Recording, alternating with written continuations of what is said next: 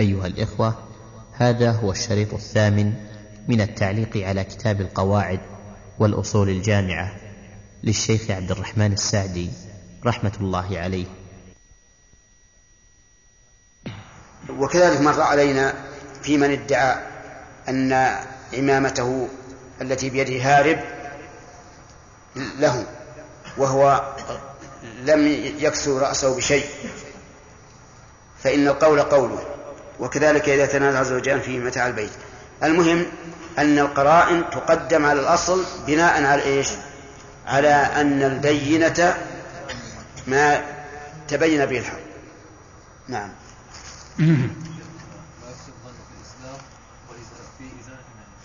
نعم.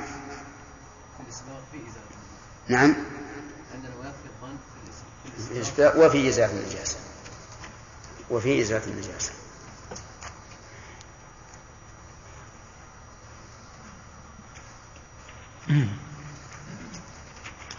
القاعدة الثالثة والخمسون.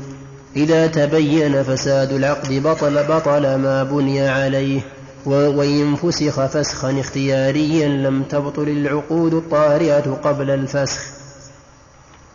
وهذا ضابط وفرق لطيف.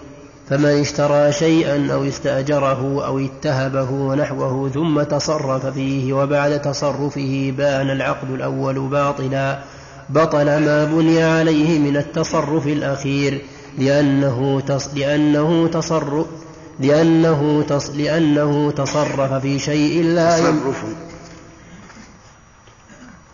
لأنه تصرف في شيء لا يملكه شرعا.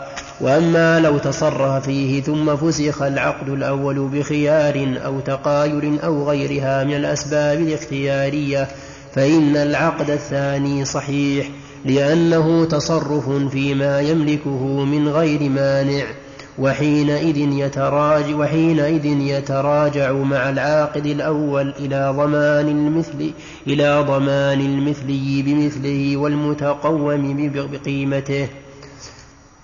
ومثله إذا باعه شيئا ووثقه برهن أو ضمين أو أحاله بالثمن ثم بان البيع باطلا بطلت التوثقة والحوالة لأنها مبنية عليه فإن فسخ الأول فسخا وقد أحاله بدينه فالحوالة بحولها فالحوالة بحالها وله أن يحيله على من أحاله عليه. والله أعلم. وهذا ينبني على ما ذكره الفقهاء رحمه الله هل الفسخ رفع للعقد من أصله أو من حينه. فإن قلنا إنه رفع للعقد من أصله فإن التصرفات التي تكون بين العقد والفسخ غير صحيحة لأنها وقعت بعد ارتفاع العقد. وإن قلنا إن الفسخ رفع للعقد من حينه فالتصرفات صحيحة. مثال ذلك باع رجل بيتا على إنسان. ثم إن المشتري أجره لأنه مالك. ثم بعد ذلك تقايل يعني فسخ العقد بايع البيت والمشتري. هل تبطل الإجارة التي وقعت بين العقد وبين الفسخ أو لا تبطل؟ ينبني على هذا الخلاف. إذا قلنا إن الفسخ رفع للعقد من أصله فالإجارة تنفسخ تنفسخ تبطل وإذا قلنا من حينه فالإجارة صحيحة. ولكن كيف نوزع الأجرة؟ نقول الأجرة من حين الفسخ لمن؟ للبائع الأول. وأما قبل ذلك فهي للمشتري لأن الملك ملكه. واضح؟ ما هو؟ ما هو واضح. طيب. باع زيد على عمرو بيتا. انتقل ملكه من من زيد إلى عمرو. ثم إن عمرا بعد مضي شهر نعم ثم إن عمرا أجره خالدا. أجره خالدا. بألف ومائتين ثم بعد مضي شهرين فسخ زيد وعمر فسخا العقد بعد مضي شهرين. الآن إن قلنا إن العقد إن الفسخ رفع للعقد من أصله فإن الإجارة تنفسخ ويكون تكون الأجرة كلها للبائع لأن العقد ارتفع من من أصله. وإذا قلنا إنه رفع للعقد من حينه من حين الفسخ فالإجارة تبقى. الإجارة تبقى يعني يبقى المستأجر اللي هو خالد. والأجرة كم قلنا؟ ألف ومائتين يعني كل شهر مئة. تكون تكون مئتان من الأجرة. لمن؟ للمشتري الذي هو عمر وألف للبائع. لأنه لما فسخ العقد وقد بقي عشرة أشهر عاد عاد ملك البيت إلى من؟ للبائع الذي هو زيد. فتكون الأجرة له من حين العقد. هذا هو خلاصة ما ذكره الشيخ رحمه الله. أما إذا تبين باطلا بأن تبين أن زيدا الذي باع البيت لا يملك العقد عليه له ليس مالكا ولا وكيلا ولا وصيا ولا ناظرا. فإن الإجارة إجارة أمر خالدا باطلة. وذلك لأنه تبين أن العقد الذي بنيت عليه الإجارة كان باطلا فتبطل, فتبطل الإجارة. نعم. القاعدة الرابعة والخمسون. العبرة في المعاملات بما في نفس الأمر ويدخل في هذا إذا تصرف في شيء يظنه يملك التصرف فيه بملك أو توكيل ونحوه. ثم بعد ثم بعد التصرف تبين أنه لا يملك ذلك التصرف لم ينعقد العقد. وإن كان الأمر بالعكس بأن ظن أنه لا يملك التصرف ثم بان أنه يملكه صح التصرف لأن المعاملات المغلب فيها ما يظهر من التصرفات بخلاف العبادات. المثال شخص تصرف في شيء ظن أنه ملكه ثم تبين أنه لا يملك التصرف. فما حكم العقد؟ نقول العقد غير صحيح لأنه لم يملك. مثل أن يتصرف في بيع بيت. ظنا منه أن الميت الذي كان يرثه قد مات. ثم تبين أنه لم يمت. فهل نقول إن البيع يصح بناء على ظنه أو نقول إن البيع لا يصح؟ الجواب الثاني.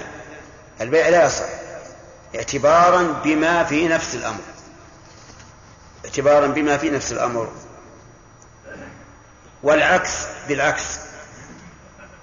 لو ت... لو أنه باع البيت وهو يظن أن صاحبه الذي يرثه منه حي لكنه رجل متهور. تعدى عليه. ثم بان أن أن مورثه قد مات وأن البيت حين بيعه في ملكه. يصح البيع؟ يصح البيع. فهمتم الآن؟ طيب. فإذا قال البائع أنا بعت وصاحب وأعتقد أن صاحبه حي.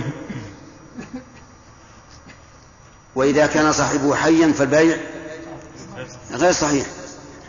فنقول أنت بعته على أنه صاحبه حي وتبين أنه ميت وأنت وأنك أنت الوارث فقد بعت ما تملك وعلى هذا فينفذ البيع.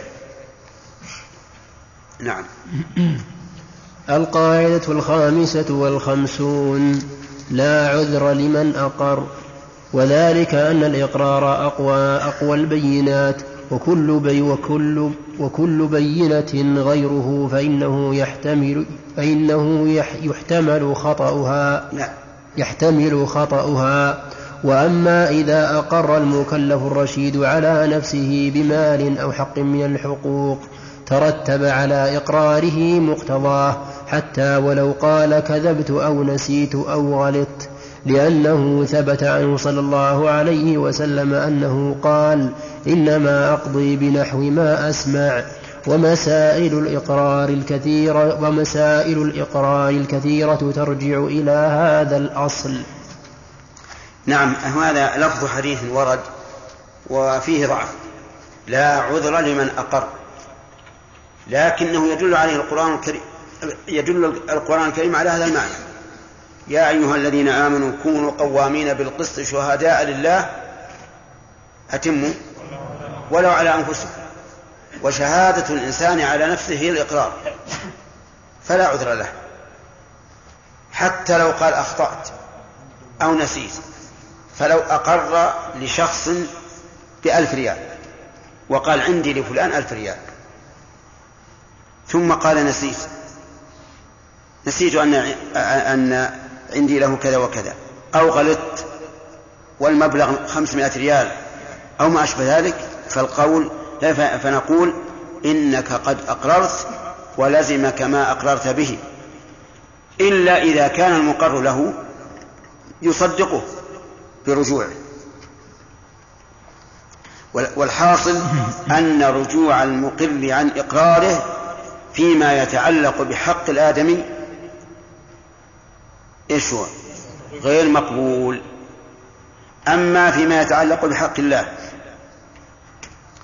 فإنه يقبل رجوعه يقبل رجوعه ولا يقام عليه حد فلو أن فلو أقر رجل بأنه زنى بامرأة أربع مرات وأمرنا أن وأمرنا بإقامة الحد عليه. ثم قال أنكر. قال أبدا إنه ما زنى. قبل رجوعه لماذا؟ لأن حق الله مبني على المسامحة. فإذا رجع قبلنا رجوعه.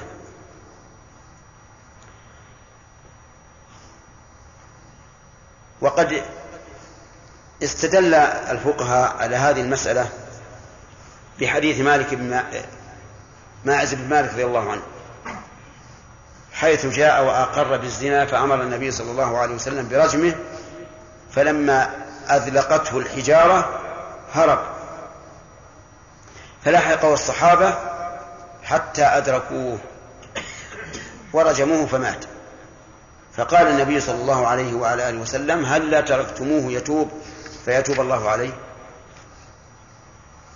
والحقيقة أن الحديث ليس فيه دلالة على ذلك لأن الرجل لم يرجع.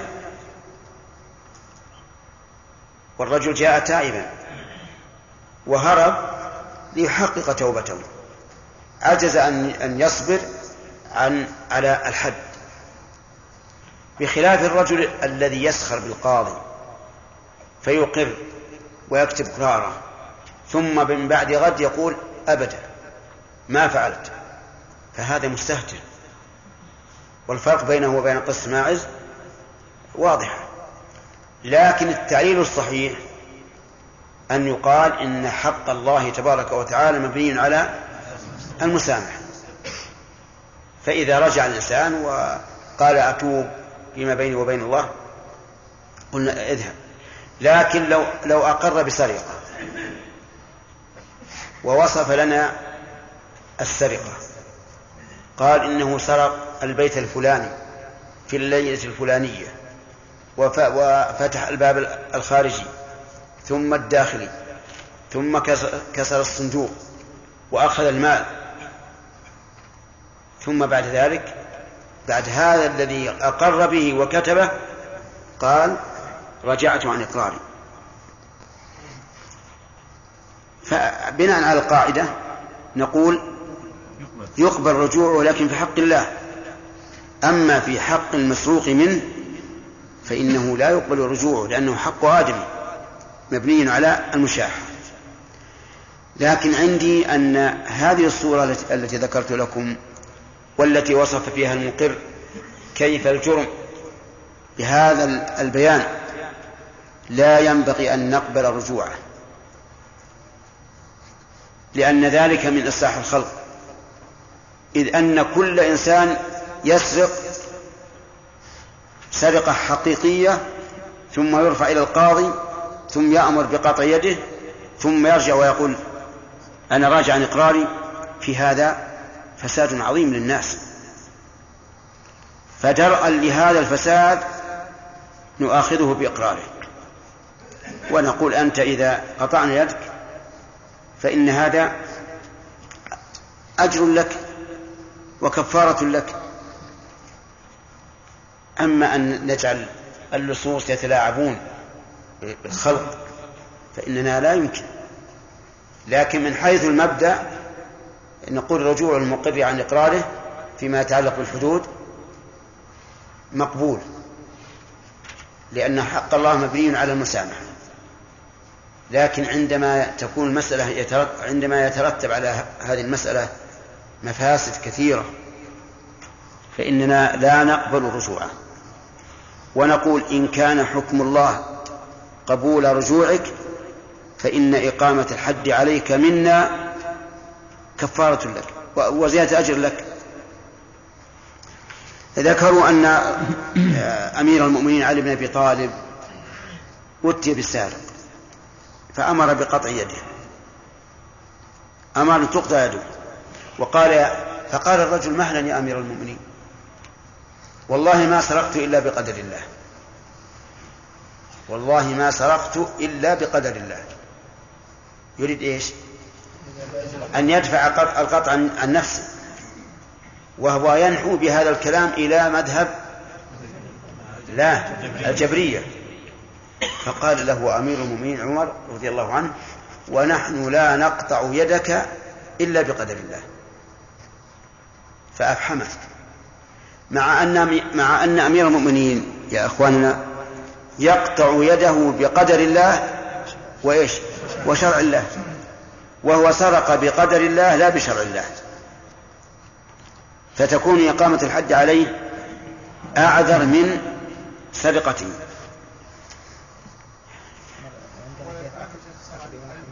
نعم. نعم.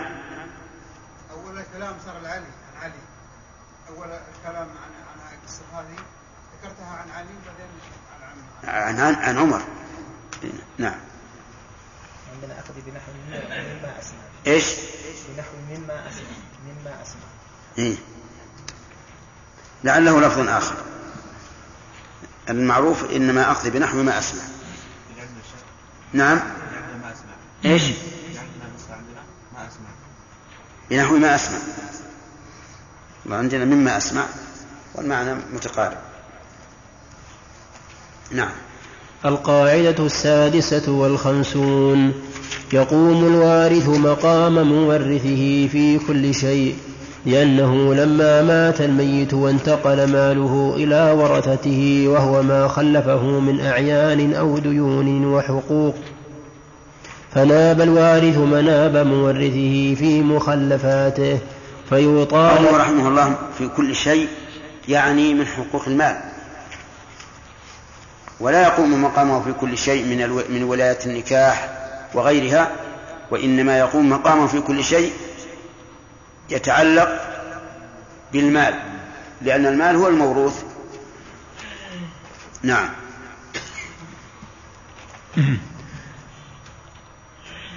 لأنه لما نعم. لأنه لما مات الميت وانتقل ماله إلى ورثته وهو ما خلفه من أعيان أو ديون وحقوق فناب الوارث ما ناب مورثه في مخلفاته. ما عندكم لأنه لما مات الميت انتقل ماله؟ عندكم واو؟ ها؟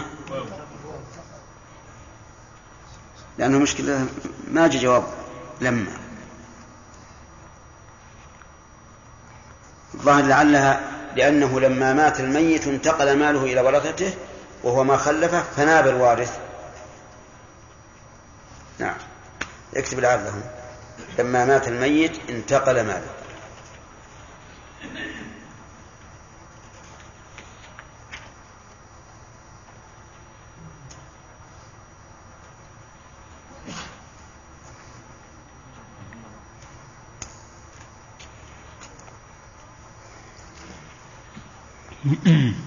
لأنه لما مات الميت انتقل ماله إلى ورثته وهو ما خلفه من أعيان أو ديون وحقوق.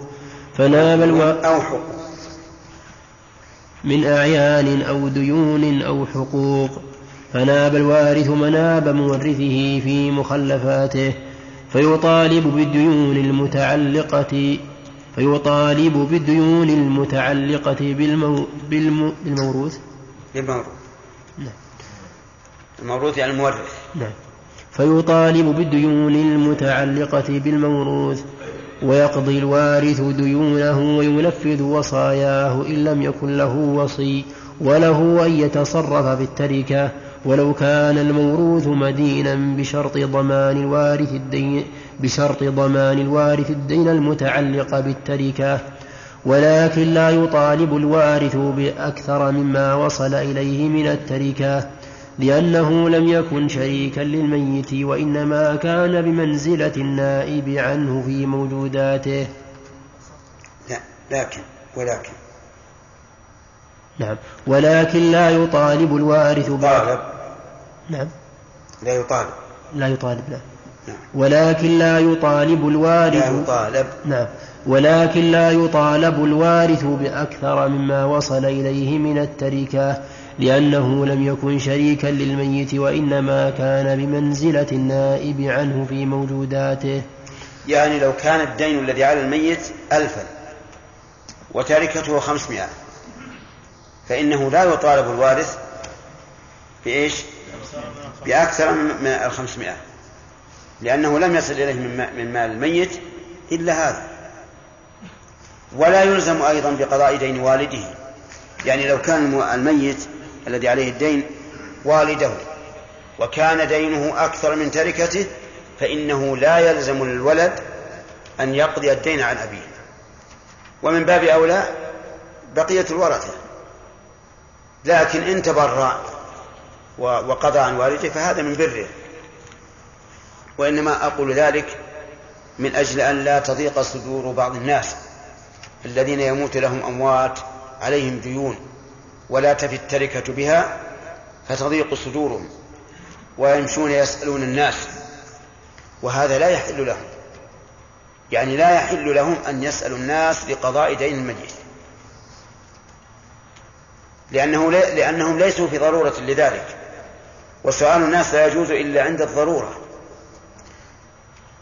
فإذا قال قائل هم يحبون أن يبرئوا ذمة والدهم قلنا هذا الدين متعلق بغيرهم وهذا الميت الذي استدان إذا كان أخذ أموال الناس يريد أداءها فإن الله يؤدي عنه كما صح عن النبي صلى الله عليه وعلى آله وسلم. يتحمل عز وجل الدين عن المدين الذي أخذه وهو يريد الأداء. فإما أن يؤدي الله عنه في الحياة وإما أن يؤدي عنه بعد الممات. وأما كون الإنسان يسعى بين الناس أعطوني أوفي دين أبي دين أخي دين هذا لا يجوز. لأنه سؤال لغير ضرورة. كذلك أيضا لا يجوز أن يقضى دين الميت من الزكاة. لأن الزكاة إنما هي للأحياء. ولو فتح الباب للناس وقلنا بجواز قضاء ديون الأموات لكان عند الناس عاطفة تقتضي أن ينصب الناس على قضاء ديون الأموات ويبقى الأحياء مأسورين بديونهم. ويبدأ الإنسان ينقب عن في دفاتر أبيه أو جده. هل عليه دين فيقضيه من الزكاة. هذا من حيث التعليل. أما من حيث الدليل فإن النبي صلى الله عليه وعلى آله وسلم كان لا يقضي ديون الأموات من الزكاة. بل إذا قدم إليه ميت وليس وعليه دين لا وفاء له قال صلوا على صاحبكم. لكن لما أفاء الله عليه من المغانم الكثيرة صار يقول من ترك دينا فعليه. وصار صلى الله عليه وسلم يقضي ديون المسلمين ويقول أنا أولى بالمؤمنين من أنفسهم. نعم. وكذلك يتلقى عنه أمواله وحقوقه مثل. مثل خيار العيب والغن والتدليس ومثل الرهون والضمانات ونحوها وإنما, وإنما اختلف العلماء خيار العيب يعني مثلا لو أن الوارث بعد أن مات الميت وجد في السلعة التي اشتراها الميت عيبا فله أن يردها مع أن مع أن الذي ملكها وفيها العيب من؟ المتوفى. إلا إذا ثبت أن المتوفى قد رضي بالعيب. فهنا لا يطالب. وكذلك الغبن والتدليس وأظنكم تعرفون التدليس. هو أن يظهر السلعة على وصف ليست متصفة به. مثل تسويد شعر الجارية. عنده جارية عجوز شعرها أبيض. فسوده. غيره بالسواد. الذي يراها يظن أنها أنها شابة. وكذلك لو غير وجهها بالمكياج. تعرفون العجوز يكون وجهها إيه؟ مجعد. فيأتي هذا الإنسان ويضع عليها مكياج يجعلها تضيء. هذا تدليس وحرام. نعم. آه الرهن أيضا والضمانات لو كان الميت له دين على شخص فيه رهن فهل يبطل الرهن؟ لا لا يبطل. يبقى الرهن من حق الورثة. نعم. وإنما اختلف العلماء هل يقوم مقامه في خيار الشرط وفي حق, وفي حق الشفعة إذا لم يطالب بذلك والصحيح قيامه مقامه فيها كغيرها. القاعدة السابعة والخمسون يجب حمل كلام الناطقين على مرادهم مهما أمكن في العقود والفسوق والإقرارات وغيرها. وذلك أن الأقوال داخلة في الأعمال فتدخل في قوله صلى الله عليه وسلم إنما الأعمال بالنيات وإنما لكل امرئ ما نوى. أما ما يتعلق به بنفسه فهذا ليس فيه استثناء فهذا ليس فيه استثناء أن العبرة بما, بما نواه لا بما لفظ به. وأما إذا تعلق بكلامه حق للغير فكذلك وبناء على هذه القاعدة المفيدة التي دل عليها الكتاب والسنة ينعقد النكاح بأي لفظ؟ بأي لفظ دل عليه؟ فلو قال جوزتك بنتي جوزتك انعقد النكاح؟ نعم نعم. ولو قال ملكتك بنتي وقبل انعقد النكاح ولو ولو ولو اصطلح الناس على لفظ آخر غير هذا فعقد به انعقد به النكاح. وكذلك البيع وكذلك الطلاق وغير ذلك. تنعقد بما دل عليه اللفظ عرفا. والدليل كما قال الشيخ رحمه الله إنما الأعمال بالنيات وإنما لكل امرئ ما نوى. فإذا قال جوزتك بنتي وقال قبلت معروف أن المراد إيش؟ التزويج. والإنكاح. أي نعم. أما ما يتعلق به بنفسه فهذا ليس فيه استثناء أن العبرة بما نواه لا بما لفظ به. وأما إذا تعلق بكلامه حق للغير فكذلك نعتبر ما نوى إلا أن الغير إذا طالبه بمقتضى لفظه لم يكن لنا لم يكن لنا. أن نحكم.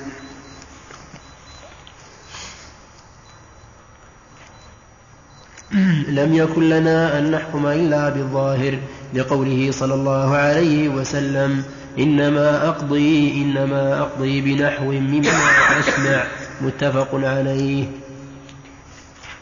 ومن هذا باب ومن هذا باب الكنايات من كل شيء. له ص... من هذا الطلاق. لو قال الإنسان لزوجته أنت طالق.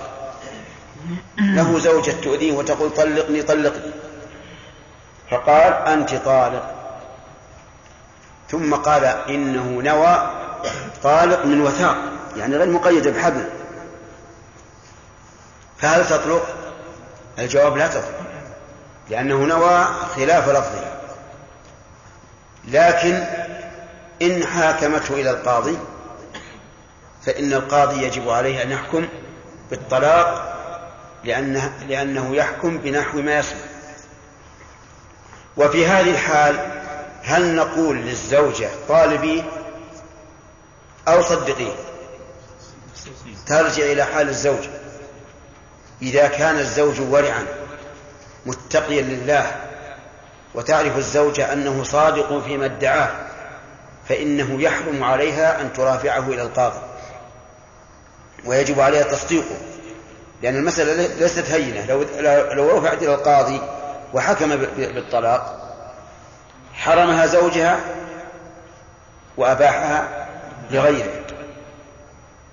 أما إذا عرفت أن الزوج رجل لا يبالي لا يريد إلا أن يتبع هواه وأنه كاذب في قوله إنما أراد طاهر فهنا يجب عليها يجب عليها وجوبا أن ترافعه للحاكم. أفهمتم؟ فإن ترددت فهل الأولى أن ترافعه أو أن لا ترافعه؟ الأولى أن لا ترافعه الأولى أن لا ترافعه لأن الأصل بقاء النكاح ولأنها لو رافعته أوجب القاضي الفراق وهي لم لم تطلق. نعم. الذي باع ملكا يظن أنه ليس له وتبين أنه له هل نقول يترتب عليه الاثم؟ يعني يترتب عليه إيش؟ يأثم على حسب ظني إيه؟ يقول إذا إذا باع بيتا يظنه إيه، لغيره فتبين أنه له ماذا قلنا في العقد ها؟ باع بيتا على أنه ليس له ثم تبين أنه له نعم. البيع صحيح. لأن العبرة بما في نفس الأمر. لكن هل يأثم على تصرفه؟ هل يأثم على تصرفه ببيعه وهو يعتقد أنه ليس ليس له؟ الجواب نعم يأثم. لا شك. نعم. نعم. إيه؟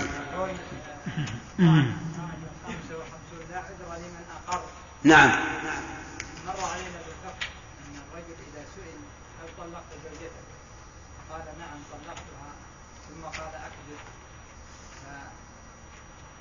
فيقبل منه لا. مر علينا أنه إذا قيل أطلقت امرأتك فقال نعم وقع. إذا قال أكثر ما لا يقبل حكما. لا يقبل حكما. لكن مر علينا مسألة ثانية وهي إذا سئل ألك امرأة فقال لا وأراد الكذب. فهذا لا يقع. هذا لا يقع. لأنه لم يرد الإنشاء وإنما أراد الإخبار بما هو كاذب فيه. وذكرنا في الفقه أنه ينبغي أن تخرج المسألة الأولى على هذه وأنه إذا قال نعم وأراد الكذب فإنها لا تطلق نعم. نعم. إيش؟ لا لا ما تخالف. لأن لأن هذا الإقرار على خلاف المراد. نعم. شخص وضع عنده أمانات كثيرة ثم مات ثم مات بعد ذلك. لم يجدوا أهله في صندوقه الأمانات الذي وضع عنده. هل يقومون بتسليمها؟ هل إيش؟ هل يقومون يسددونها عنه؟ هل يقومون؟ اهله يقومون يسددوا هذا الشيء الذي الأمانات؟ أمانات عند الميت. نعم. وضعوا عند الميت أمانات. وضع عند الميت أمانات ولم يكتب عليها أسماء أصحابه. نعم. ثم مات ولا ندري من هي له. لم يجدوا في صندوقه شيء. إيش؟ لم يجدوا أهله في صندوقه شيء. الصندوق الذي وضع فيه الأمانات لم يجد فيها أحد. وين راح؟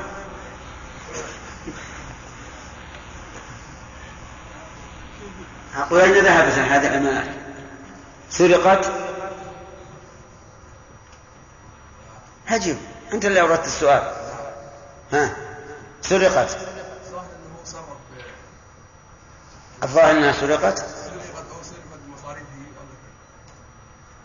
المهم على كل حال إذا كان الصندوق أمينا مغلقا محكما ثم سرقت فلا فلا فليس عليه شيء لا يقبل كل أمين إذا لم يفرط في حفظ الأمانة ثم سرقت فليس عليه شيء نعم ما يفعل الدائن الذي مات مدينة إلى أين يذهب؟ الذي مات مدينة ولم يخلف شيئا. نعم. ليس له شيء. لكن الله تعالى لا بد أن يعوضه. فإن كان الميت المدين أخذها يريد أداءها فالله سبحانه وتعالى بمنه وكرمه يتحمل عنه ويرضي الدائن وإن كان أخذها يريد الإتلاف فإنها تؤخذ من حسناته يوم القيامة. أفهمت؟ الله عنك ذكرنا في الحديث عن النبي صلى الله عليه وسلم ان الله عز وجل يؤدي عن الداء فكيف يؤدى عن يؤدي عن الدائن ولا عن المدين؟ عن المدين نعم. نعم.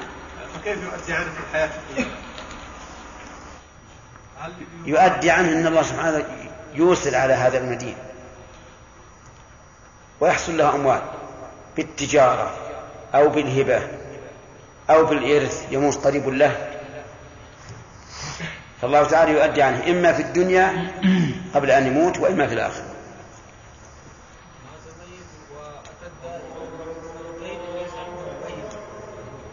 احتفظ به حتى ينتهي.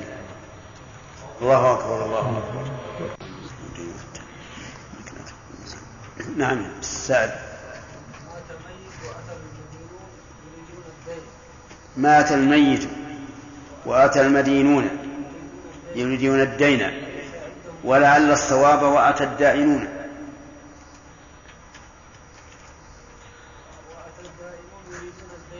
ولعل الصواب وأتى المدينون. أيه؟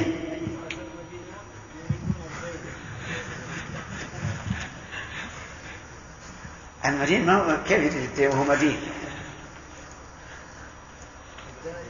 آه. إذا الصواب الدائم. نعم. الورثة تمام. آه هذا إن كان الميت قال من ادعى دينا له علي فصدقوه. فهذه وصية يجب عليهم أن ينفذوها من الثلث فأقل وإن لم يقل ذلك إن لم يقل ذلك فإنه لا يلزمهم تصديق من ادعى الدين إلا ببينة. وأنت تعلم أن المدعي دينا على الميت قد يكون ظاهره الصلاح والورع وأنه لن يكذب. ففي هذه الحال يجب على الورثة إيش؟ أن يصدقوا ويعطوه. لا سيما إذا علمنا أن الميت له اتصال بهؤلاء وصاحب بيع وشراء ومداخلة مع الناس. وأما إذا لم يكن بهذه الحال فلهم أن ينكروا ولهم أن يقولوا أبدا ليس لك شيء, شيء على مورثنا. ومن ثم يتبين أن الحزم كل الحزم ما أرشد إليه النبي صلى الله عليه وعلى آله وسلم حيث قال ما حق امرئ مسلم له شيء يوصي فيه يبيت ليلتين إلا ووصيته مكتوبة عنده. حتى لا يهمل. كل إنسان له عليه طلب وحقوق يجب أن يكتبها. لا يعتمد ويقول أنا إن شاء الله الأمل طويل أو يقول إن الورثة سيصدقون أهل الدين أو يقول إن أهل الدين عندهم بينة حتى البينة ربما تموت ربما تنسى فليكتب الإنسان كل شيء عليه نعم لا أما ما يتعلق بنفسه فهذا ليس فيه استثناء. أن العبرة. هي لأن أحسن. لأن العبرة بما تولى. حتى الله من الأخ عبد الرحمن قرأ هكذا لأن. أن؟ أن. قرأتها مرتين. ها؟ قرأتها مرتين أن. أجل أن أحسن. ولا يجوز. يجوز حذف الجار مع أن وأن مضطردا أيضا. نعم.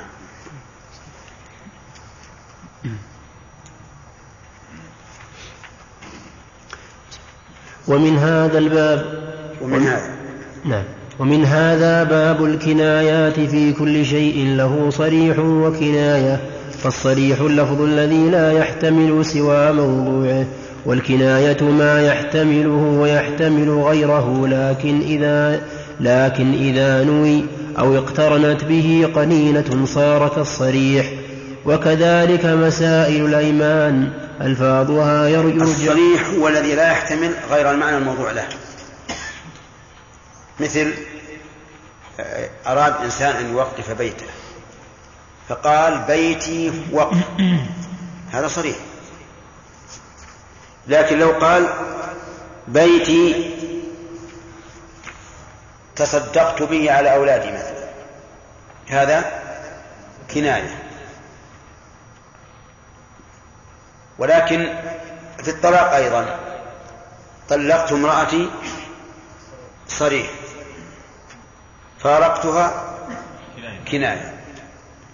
والفرق بين الصريح والكناية من حيث الحكم أن الصريح يثبت به مقتضاه بدون نية. والكناية لا يثبت بها مقتضاه إلا بنية أو قرينة. نعم. وكذلك مسائل الأيمان ألفاظها يرجع فيها إلى نية الحالف وقصده حتى أن النية ذكرنا شرطا في هذا. إن احتمل؟ إن احتملها اللفظ. إذا احتملها اللفظ.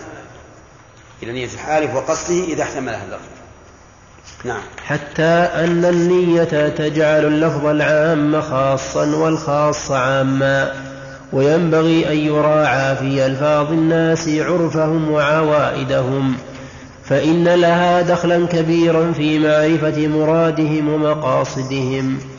صحيح. القاعدة الثامنة والخمسون. الحكم يدور مع علته وجودا وعدما. وهذه قاعدة عظيمة واسعة تحيط أو تكاد تح أو تكاد تحيط بالأحكام الشرعية. وعلة الحكم هي الحكمة الشرعية في سبب الأمر به أو النهي عنه أو الإباحة. والله تعالى حكيم له الحكمة في كل ما شرعه لعباده من الأحكام. وقد ينص الشارع على الحكمة وقد يستنبطها العلماء بحسب معرفتهم لمقاصد الشارع العامة والخاصة وقد يت وقد يتفقون عليها بحسب ظهورها وقد يتنازعون فيها وقد يكون للحكم عدة علل. متى؟ وقد يكون. وقد يكون للحكم عدة علل. متى وجد متى وجد واحدة منها ثبت الحكم. وقد تكون وقد تكون علة مجموعة من عدة أوصاف لا تتم إلا باجتماعها. والقليل من الأحكام لا يفهم العلماء لها حكمة بينة ويسمونها الأحكام التعبدية. أي علينا أن نتعبد به وإن لم نفهم حكمته. ولكننا نؤمن ويجب أن نؤمن بأنه ما من شيء شرعه الله إلا وله حكمة. إن حرم شيئا فله حكمة وإن لم نعلم الحكمة. إن أوجب شيئا فله حكمة وإن لم نعلم الحكمة. لأنه سبحانه وتعالى لا يخلق شيئا عبثا ولا لعبا ولا لهوا ولا باطلا وإنما يشرع الأشياء لحكمة لكن لقصور عقولنا قد لا نفهم هذه الحكمة. وعدم فهمنا لا يعني انتفاءها. نعم. ولهذا الأصل أمثلة لا تحصى تقدم في الأصول السابقة كثير منها. ولما سئل صلى الله عليه وسلم عن عن الهرة قال قال إنها ليست بنجس إنها من الطوافين عليكم والطوافات. فعلل بكثرة فعلل بكثرة طوافانها وترددها على الناس وعظم المشقة فيها لو حكم بنجاستها. وعظم المشقة فيها لو حكم نعم. لو حكم بنجاستها. فدل على أن هذا الحكم وهو الطهارة. ثابت لها ولما دونها في الخلقة ولما هو أكثر طوفانا ومشقة. لما ولما هو أكثر طوفانا ومشقة منها كالحمار والبغل والصبيان. وقال تعالى في وصف النبي صلى الله عليه وسلم الآن جمع الشيخ رحمه الله بين العلتين علة الحجم وعلة المشقة. ولكن الحديث ليس فيه علة الحجم ما قال إنها ليست بنجس لأنها صغيرة. لو قال إنها ليست بنجس لأنها صغيرة قلنا ما كان مثلها أو دونها فهو فله حكمه. لكنه علل بالطوافين وعليه فتكون العلة التي علل بها النبي صلى الله عليه وعلى آله وسلم هي الميزان. فما كان يتردد على الناس في بيوتهم وأسواقهم وما أشبه ذلك ولو كان أكبر من الهرة فإنه ليس بنجس. وما كان دون الهرة لكن لا يوجد إلا نادرا فإنه نجس إلا ما ليس له دم. فإن ما ليس له دم ليس بنجس. ولو كان ميتا. ولهذا أمر النبي صلى الله عليه وسلم إذا وقع الذباب في الشراب أن يغمس. والشراب إذا كان حارا فلا بد لا بد أن يموت الذباب. ولو كان ينجس الشراب ما أمر بأصله ما, ما أمر ما أمر صلى الله عليه وسلم بغمسه. فالصواب أن يقال العلة التي علل بها النبي صلى الله عليه وعلى آله وسلم هي إيش؟ المشقة بكثرة الطواف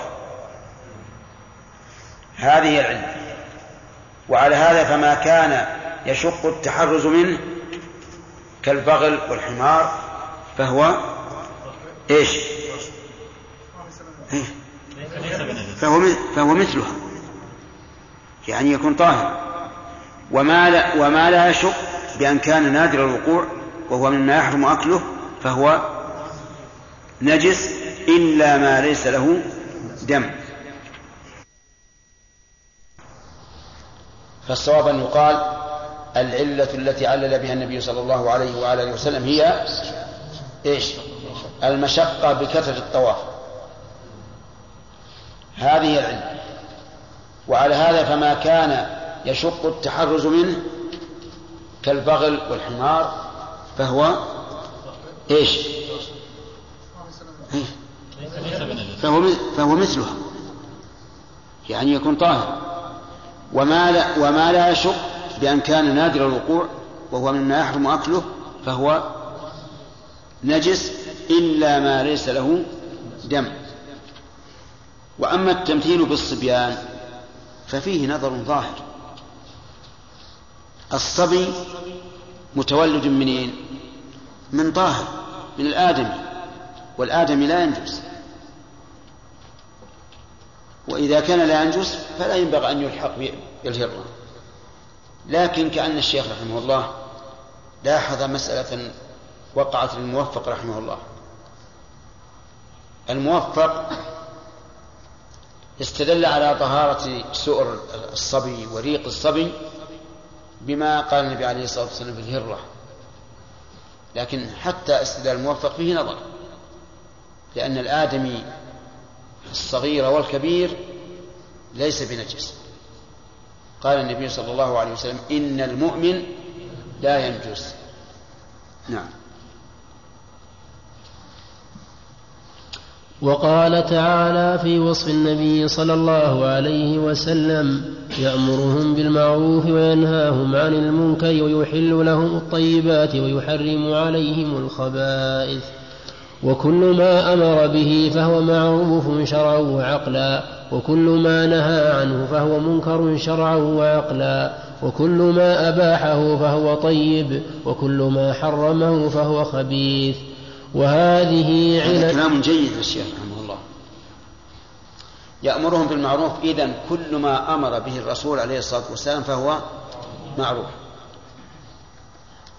شرعا وعقلا.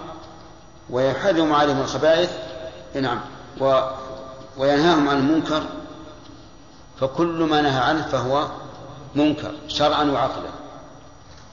ويحل لهم الطيبات فكل ما أحله فهو طيب.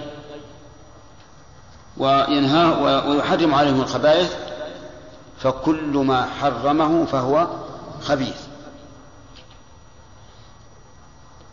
فإن قال قائل يرد علينا أن النبي صلى الله عليه وسلم وصف البصل والثوم والكراث بأنه خبيث ومع هذا أحله. قلنا إن الخبث هنا باعتبار رائحته وأذيته لا باعتبار مضرته. ولهذا ينصح بعض الناس بأكل البصل والثوم لمرض أو علة فليس هو آه، خبيث خبيثا في نفسه لكنه خبيث من حيث الرائحة والإيذاء. كما قال الله تعالى ولا تيمموا الخبيث منه آه، تنفقون مع أنه مما أخرجه من الأرض. نعم. وهذه علل جامعة تشمل جميع الشريعة وأنواعها وأفرادها. تفصيل. أفرادها تفصيل. أفراد ممتد نعم. وهذه علل جامعة تشمل جميع الشريعة وأنواعها وأفرادها تفصيل لهذه الجمل الجامعة. ومن العلل الجامعة تحريمه كل, معا كل معاملة فيها غرر وتحريم وتحريم الخمر وهو كل ما خامر العقل وتحريمه للغش في المعاملات وغيرها.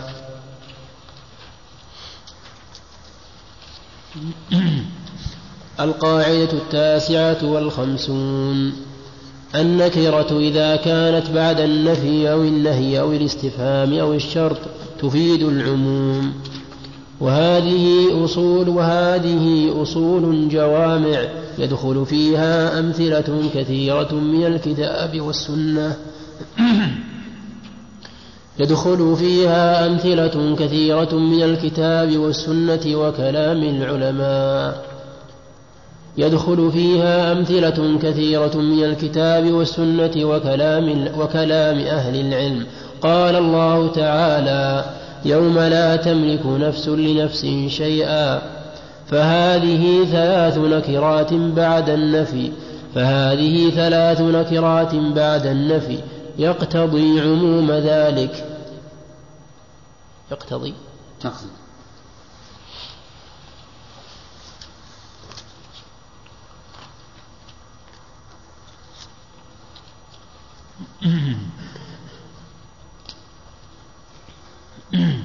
فهذه ثلاث نكرات بعد النفي تقتضي عموم ذلك وأن وأنه أي نفس وإن عظم قدرها عند الله لا تملك لأي نفس وإن اشتد اتصالها بها شيئا من المنافع أو دفع المضار قليلا كان أو كثيرا.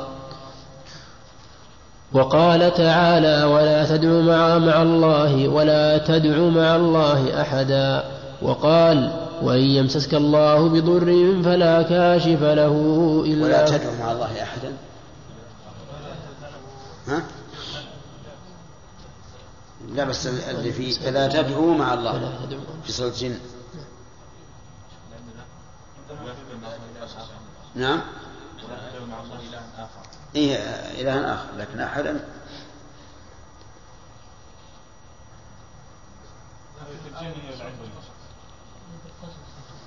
الجن بالواو.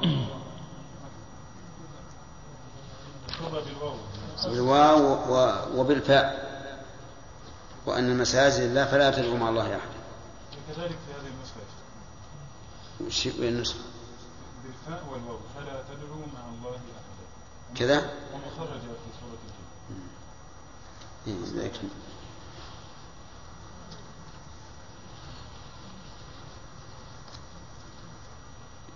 في آخر سورة الشعراء؟ لا في آخر سورة الشعراء. فتكون من المعذبين قبل قبل. ها؟ لا أنا أسأل عن اللي في آخر الشعراء. فلا تدعو مع الله إلها آخر فتكون من المعذبين إذن يجب أن نجعلها ولا فلا تدعو مع الله أحدا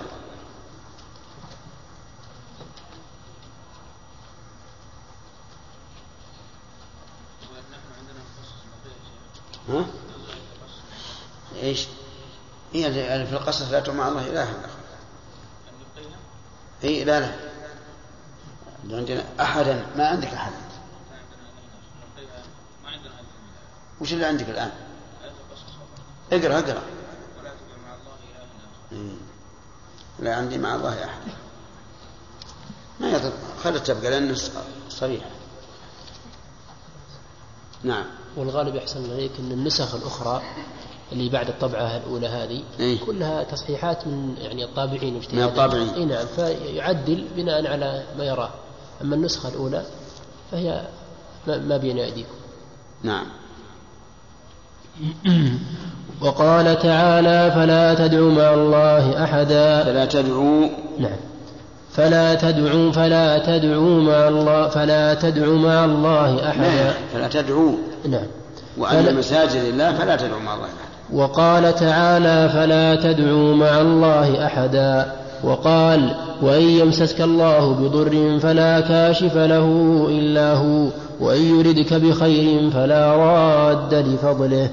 وأمثلتها في كلام واقفين والموصين وفي, وفي الطلاق والأيمان والإقرار وغيرها من الأبواب كثيرة جدا.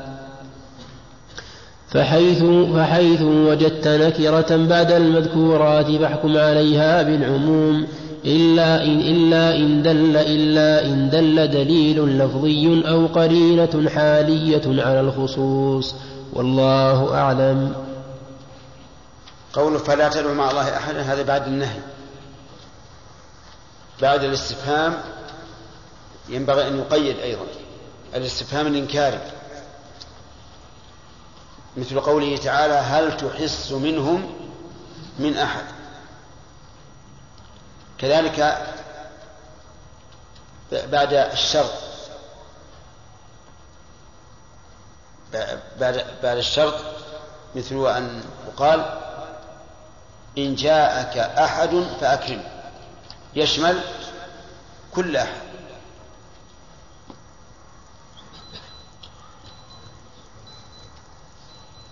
نعم. ستون. لا جاوبت الأسئلة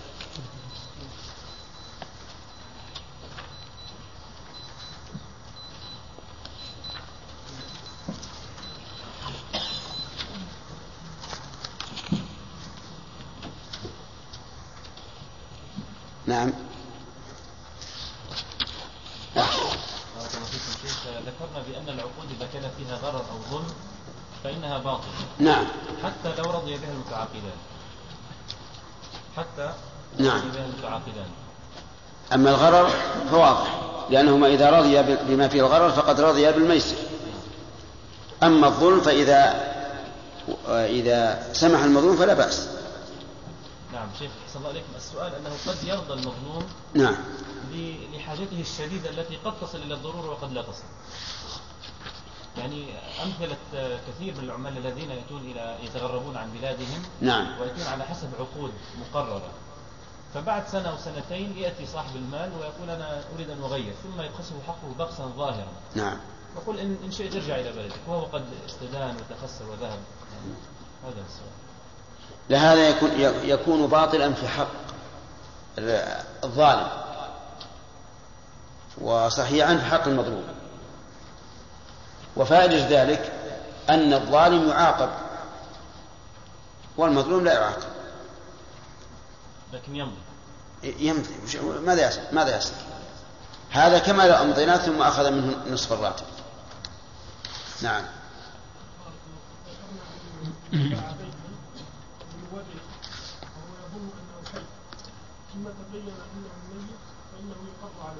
نعم. لماذا هذا في قاعدة من تعجب الشيء قبل اوان لا لا. هذا ما تعجله. هذا يعتقد إن. إن صاحبه حي. فهو فهو معتدي ظالم. نعم؟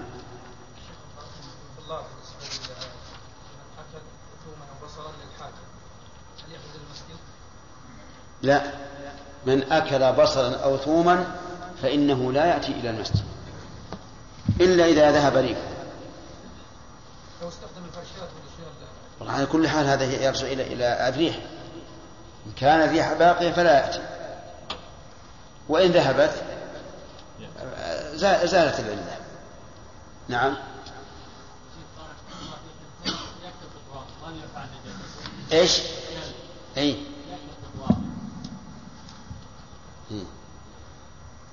هذا سؤال جيد.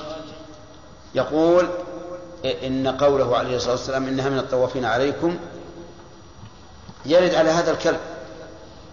الكلب يكثر طوافه لكن الكلب يؤمر الإنسان بإبعاده ولا يحل له أن يقتنيه إلا إذا كان لحرث أو ماشية أو زرع نعم. أو صيد.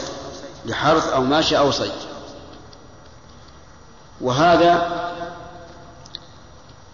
قد ورد الشرع بخصوصه وأنه لا بد أن يطهر فيكون مستثنى من عموم العلة. نعم.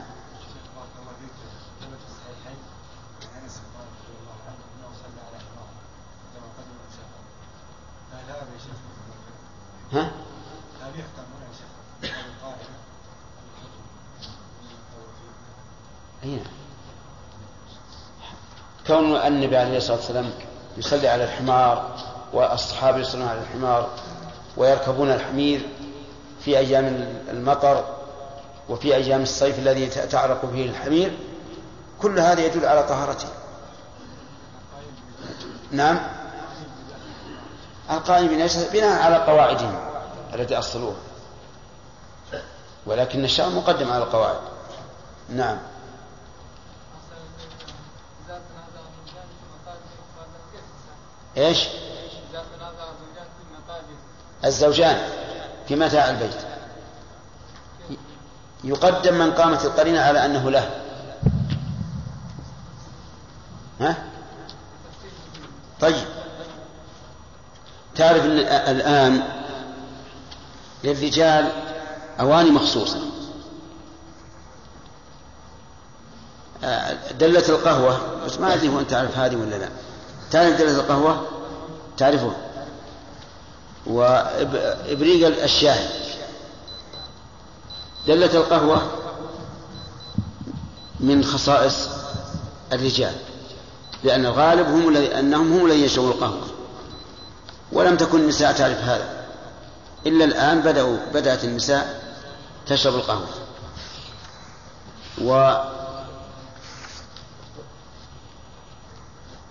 والمكحلة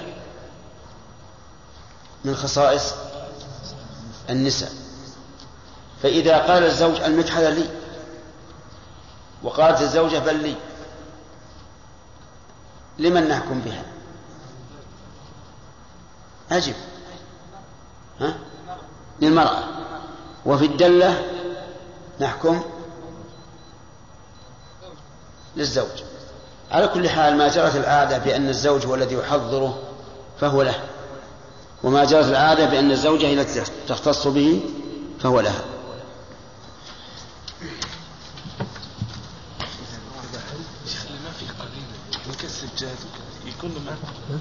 هذا لابد إن يحكم بينهم إما بالقرعه ولا عليك ها؟ قل فلا تدعوا مع الله أحدا. نعم.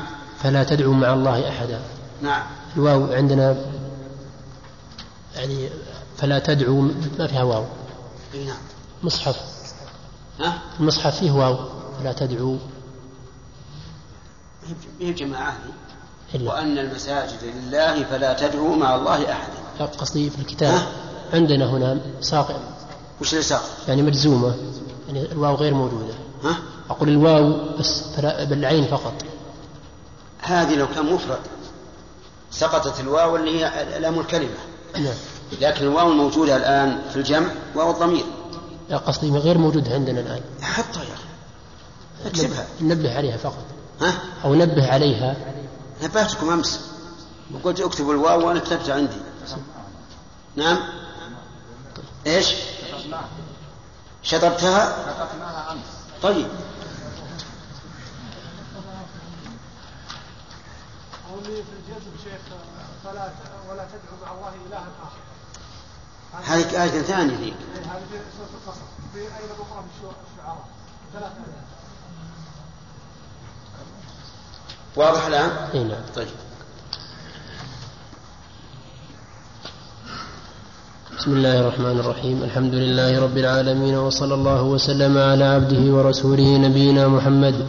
وعلى آله وصحابته أجمعين. قال الشيخ رحمه الله تعالى القاعدة الستون من وما وأي ومتى وأل والمفرد المضاف يدل كل واحد منها على العموم. كل واحد من هذه الستة أصل كبير يتفرع عليه من الأمثلة في الكتاب والسنة شيء كثير. فمتى وجدتها فاحكم لها بعموم فاحكم لها بعموم مدخولها. وكذلك في كلام الفقهاء في الأحكام التي يرتبونها على الألفاظ في أبواب متعددة خصوصا في الوقف والوصية والعتق والطلاق والإقرار وغيرها. فلا تخرج عن هذا الموضوع إلا لتخصيص يقترن بها لفظا أو قرينة حالية. أو نية تصيبها عن موضوعها. مثال ذلك من القرآن ومن يتق الله يجعل له مخرجا ويرزقه من حيث لا يحتسب ومن يتوكل على الله فهو حسبه أي كافيه. فكل من اتقى الله وكل من توكل عليه حصل له هذا الجزاء. وقال تعالى وما تقدموا لأنفسكم من خير من تجدوه هنا عند في الله. من في قوله من يتق الله؟ ومن يتوكل هذه شرطية. وهي أيضا تكون للعموم إذا كانت استفهامية وتكون للعموم إذا كانت موصولة. هنا عندكم ضيق يا أخ. تفضل دور لك مكان. أنت. أنت ضيقت على إخوانك دور لك مكان. إي نعم. شوف هذا أظن ما في مكان ما في أحد.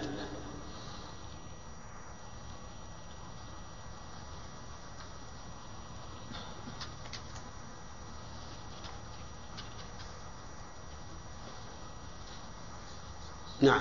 وقال تعالى وما تقدموا لأنفسكم من خير تجدوه عند الله هو خيرا وأعظم أجرا. فكل من قدم خيرا قوليا أو فعليا أو اعتقاديا وجده عند الله. على هذا الوصف. فكل. فكل, فكل من قدم خيرا قوليا أو فعليا أو اعتقاديا وجده عند الله على هذا الوصف. فمن يعمل مثقال ذرة خيرا يره ومن يعمل مثقال ذرة شرا يره. فكل من وما تقدموا لأنفسكم من خير تجدوه عند الله هو خير وأعظم أجرا. اعلم أن بعض القارئين يقرأ وما تقدموا لأنفسكم من خير تجدوه عند الله ثم يستأنف ويقول هو خيرا وأعظم أجرا. وهذا غلط. إنما يصدق هذا في آية ثانية. وما تقدموا لأنفسكم من خير تجدوه عند الله. إن الله بما تعملون بصير. أظن هذا آخر الآية. أما هنا فيجب الوصف وما تقدموا لأنفسكم من خير تجدوه عند الله هو خيرا وأعظم أجرا. وقد يستشكل, وقد يستشكل صغير الط- الطلب فيقول لماذا نصبنا خيرا والذي قبلها ضمير رفع؟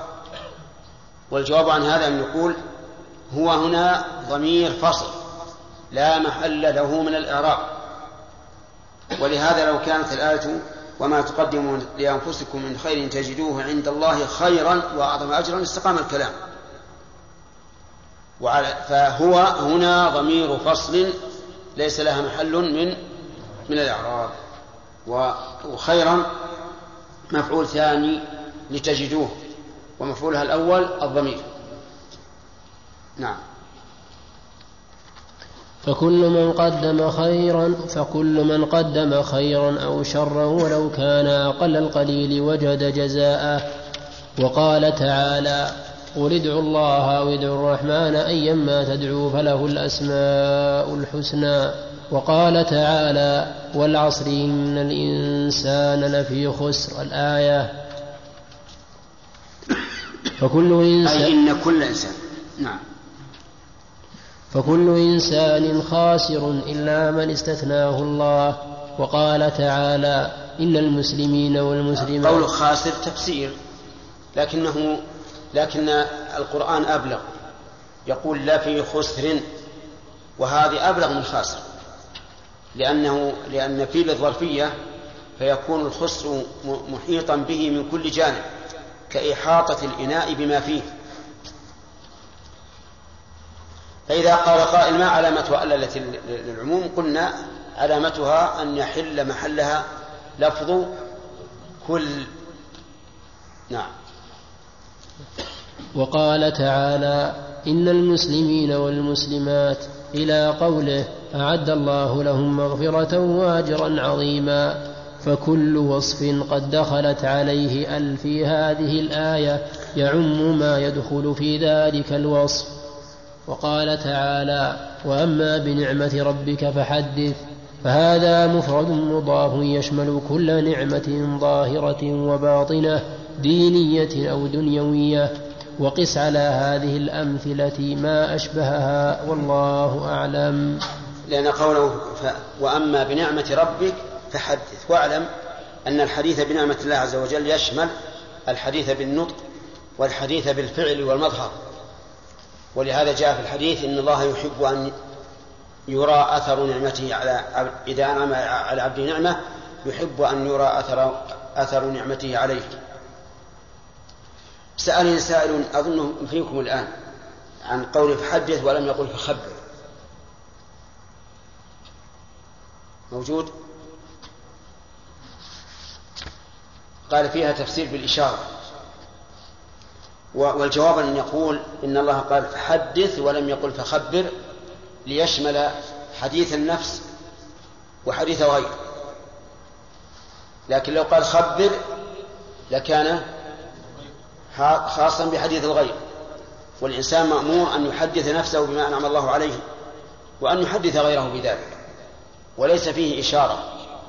وتفسير القرآن بالإشارات إنما هو إنما هو طريق الصوفية وأمثالهم. نعم.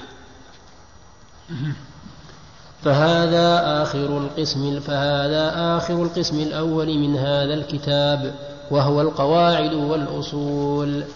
مراد الشيخ رحمه الله ما أراد أن يقوله. والمعلوم أن القواعد والأصول أكثر من هذا بكثير.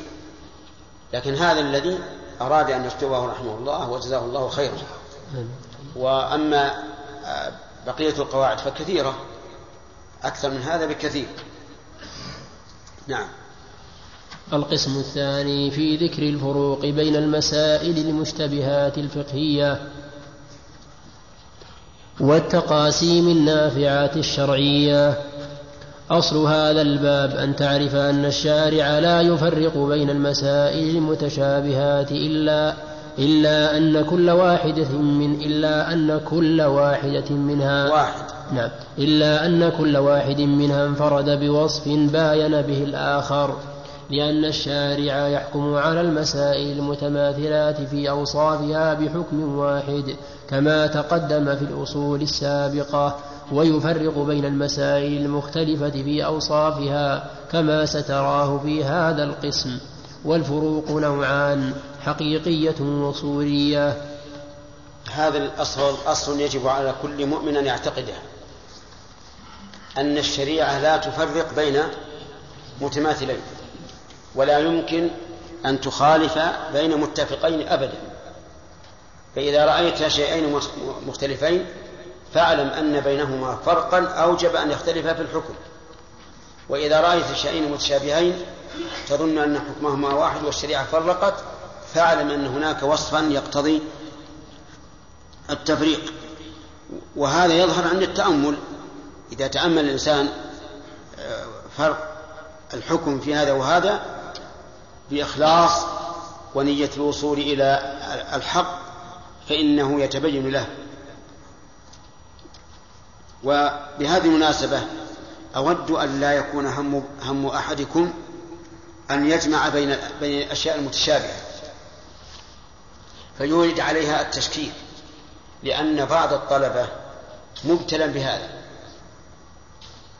بمعنى أنه يتتبع الأحاديث أو الآيات التي ظاهرها التعارض ثم يوجد فيها إشكالا مع أنه لو تأملها لم يجد شيئا من الإشكال لكن يكون مغرما بهذا. وهذا وربما يحصل معه أو نعم وربما يحصل منه جدل مع نفسه أو مع غيره.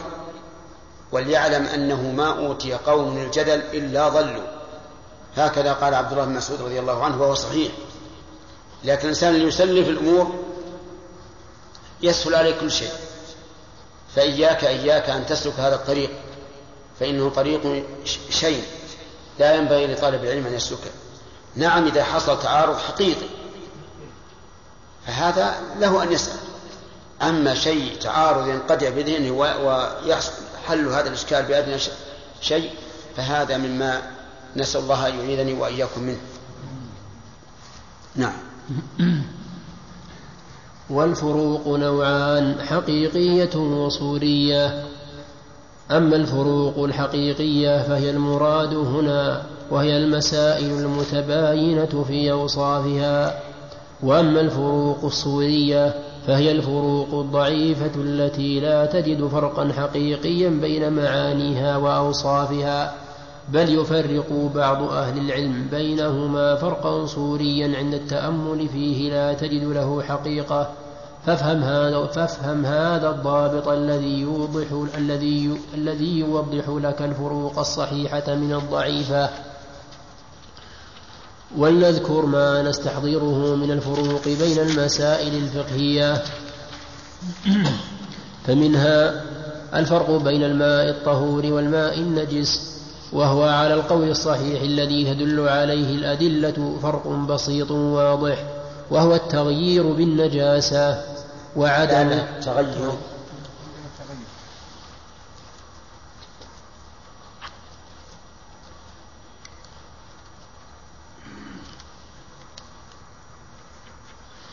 وهو التغير بالنجاسة وعدم التغير بها.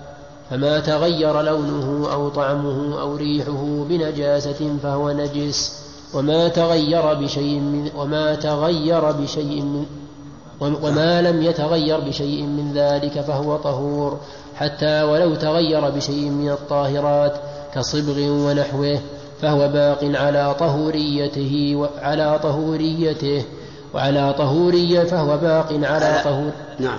فهو باق على طهوريته وإثبات ما على طهوريته. قف.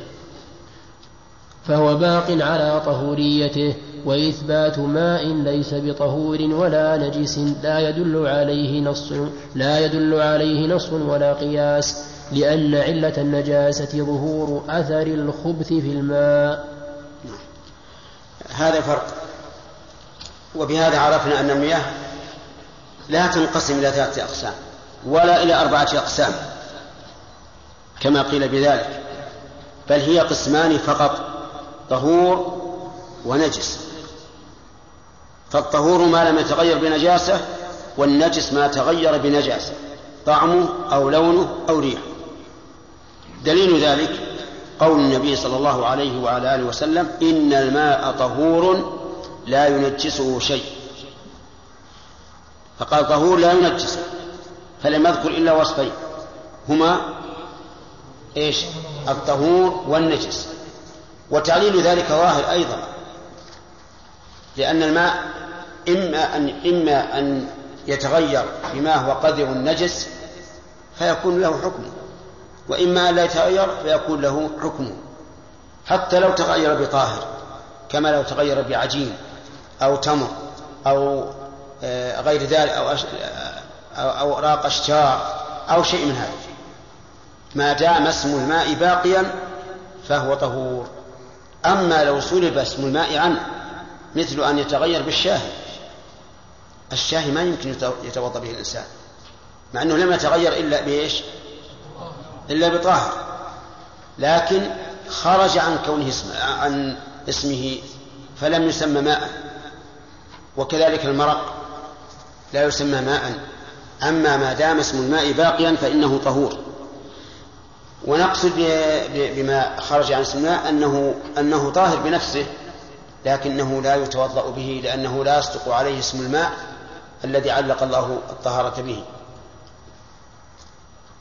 وقول المؤلف رحمه الله إنه إثبات ماء ليس بطهور ونجس صحيح. لا يدل عليه دليل نص ولا قياس. بل النص والقياس على خلافه. نعم. والفرق بين فرض الصلاة وبين نفيها مع اشترا مع اشتراكهما بقي علينا كلمة بسيط فرق بسيط. هذا مستعمل عرفا بدل يسير. لكنه في اللغة بمعنى الواسع كما قال تعالى الله يبسط الرزق لمن يشاء ويقدر يضيق. لكن جرى العرف أن معنى بسيط أي يسير وقليل. فانتبه لهذا. نعم.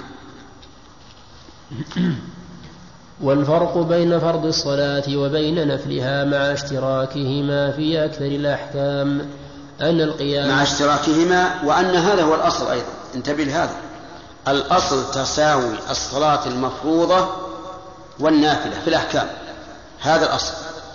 ويدل لهذا الأصل أن الصحابة الذين حكوا أن الرسول عليه الصلاة والسلام يصلي على راحلته حيث توجهت به قالوا غير أنه لا يصلي عليها المكتوبة. انتبه لهذا.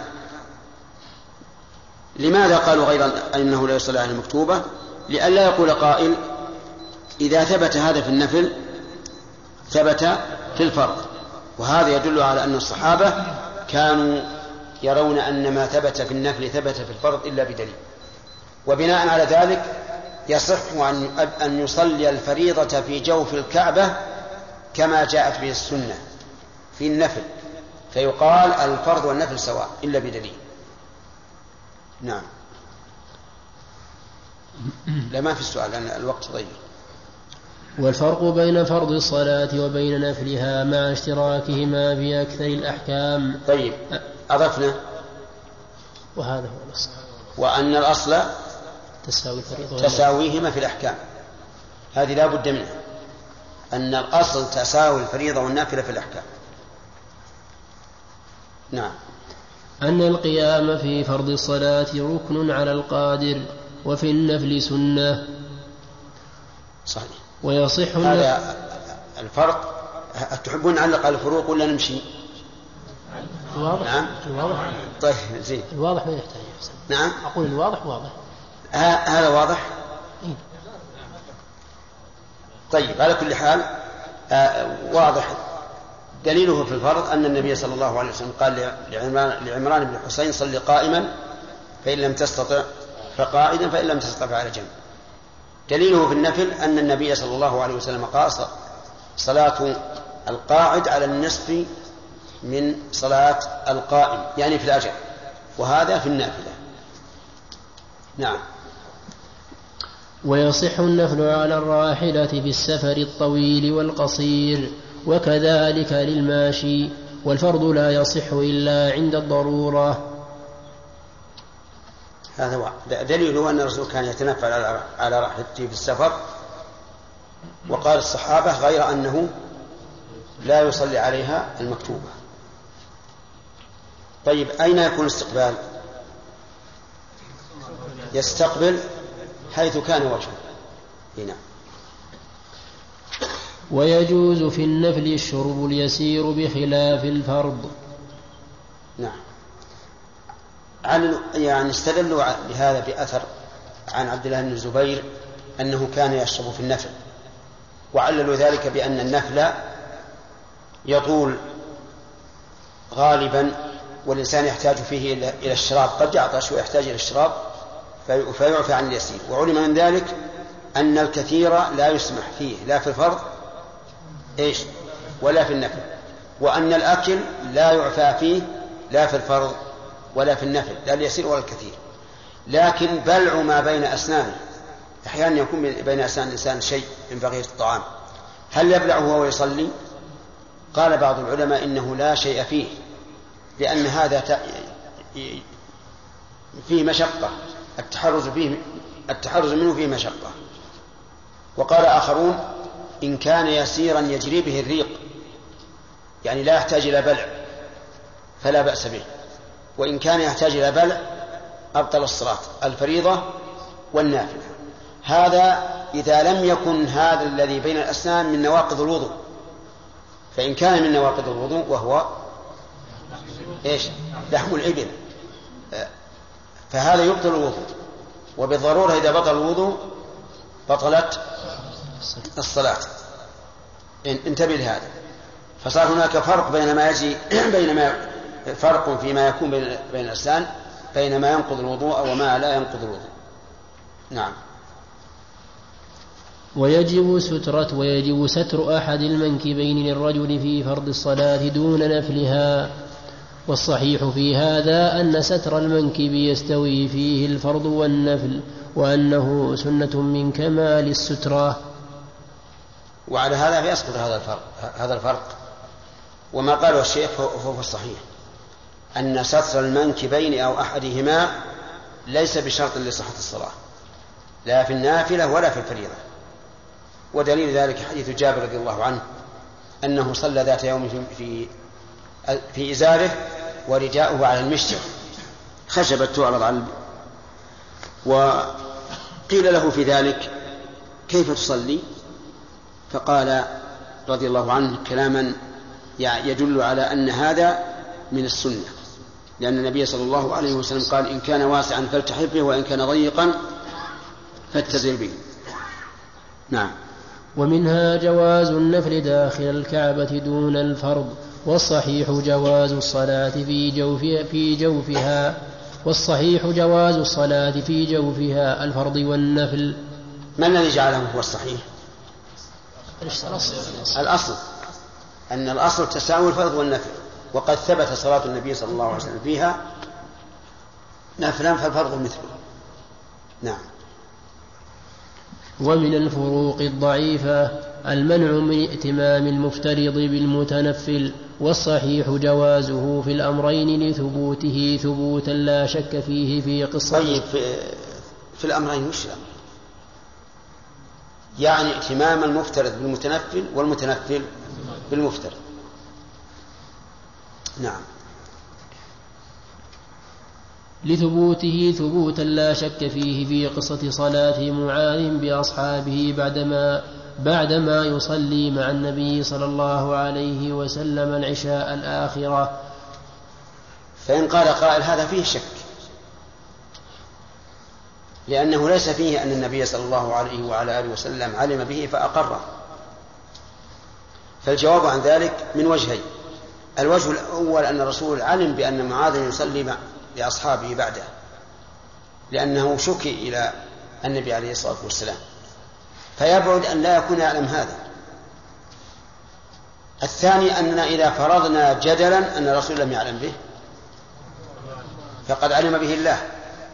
ولا يمكن أن يقره الله عز وجل وهو خطأ. والدليل أن الله لا يقر الخطأ الذي يخفى على الرسول. قول الله تبارك وتعالى يستخفون من الناس ولا يستخفون من الله وهو معهم إذ يبيتون ما لا يرضى من القول. فهؤلاء الذين يبيتون ما لا يرضى من القول ما لا يرضاه الله من القول لا يعلمون لا يعلم بهم الرسول عليه الصلاة والسلام ولا, ولا أصحابه. لكن لما كانوا يبيتون الخطأ إيش؟ بينه الله عز وجل وأعلم به نبيه فمعاذ إذا قدرنا أن الرسول لم يعلم به فقد علم به الله. وهل يمكن أن يقر الله رجلا على ما يخالف شريعته؟ لا يمكن. فصدق قول المؤلف لا شك فيه. نعم.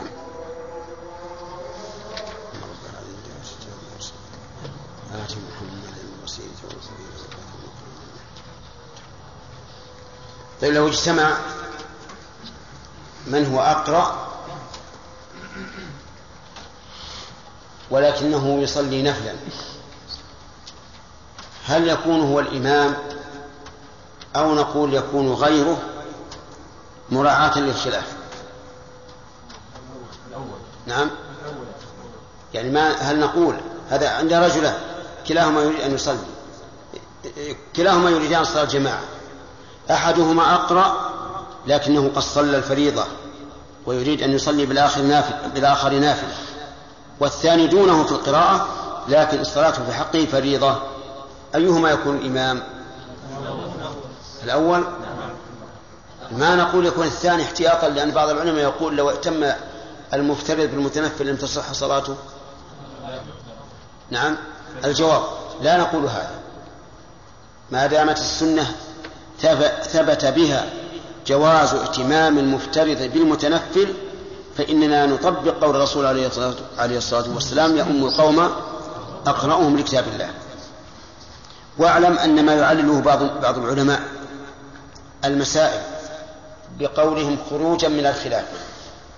اعلم أن هذا ليس دليلا وليس تعليلا مقبولا لأن الخلاف إذا لم يكن له حظ من النظر وكان الدليل واضحا فإنه كلا شيء ليس بشيء. ولولا أن الذين قالوه مجتهدين لكنا نقول فماذا بعد الحق إلا الضلال. فتعليل الأحكام الشرعية باختلاف العلماء لا أصل له. إلا إذا كان الخلاف قويا والأمر محتملا. فهنا نقول إن الرسول عليه الصلاة والسلام قال من اتقى الشبهات فقد استبرأ لدينه وعرضه وقال دع ما يريبك إلى ما لا يريبك. فانتبه لهذا. فإن هذا التعليل الذي تجدونه كثيرا في كتب, الفقهاء يكره كذا خروجا من الخلاف. اعلموا أن هذا ليس دليلا صحيحا. نعم. لثبوته ثبوتا لا شك فيه في قصة صلاة معاذ بأصحابه بعدما يصلي مع النبي صلى الله عليه وسلم العشاء الآخرة وغيره من الأحاديث. والاختلاف المنهي عنه. من من من غيره في الأحاديث يعني مما يدخل في قوله من الحديث قصة عمرو بن سلمة الجرمي. كان يؤم قومه وله ست أو سبع سنين. صلاته هو نافل ولا واجب؟ نافلة لأنه لم يبلغ. وصلاتهم فريضة. نعم. والاختلاف المنهي عنه في قوله صلى الله عليه وسلم إنما جعل الإمام ليؤتم به فلا تختلفوا عليه. هو الاختلاف في الأفعال لا في النية بدليل جواز أن يأتم المتنفل بالمفترض قولا واحدا. ومن الفروق الصحيحة تجويز قتل ويدل لهذه المسألة الأخيرة ائتمام المتنفل بالمفترض قصة رجلين. اللذين رآهما النبي صلى الله عليه وسلم لم يصليا فقال إذا صليتما في رحالكما ثم أتيتما مسجد جماعة فصليا معهم فإنها أي صلاتين؟ الثانية فإنها لكما نافلة. نعم.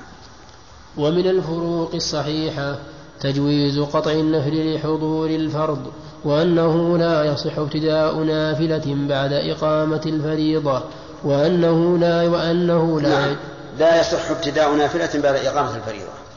لكن الاستمرار في النافلة بعد إقامة الفريضة هل يجوز أو لا؟ بعض العلماء قال لا يجوز. حتى لو لم يبقى عليه إلا التشهد فليقطع الصلاة وليدرك تكبيرة الإحرام. وقال آخرون بل يجوز الاستمرار فيها حتى ولو لم يدرك من الفريضة مع الإمام إلا تكبيرة الإحرام قبل السلام. وهذان قولان متقابلان تماما. والذي أراه في هذه المسألة أنه إذا أقيمت الصلاة وأنت في الركعة الثانية من النافلة فأتمها خفيفة.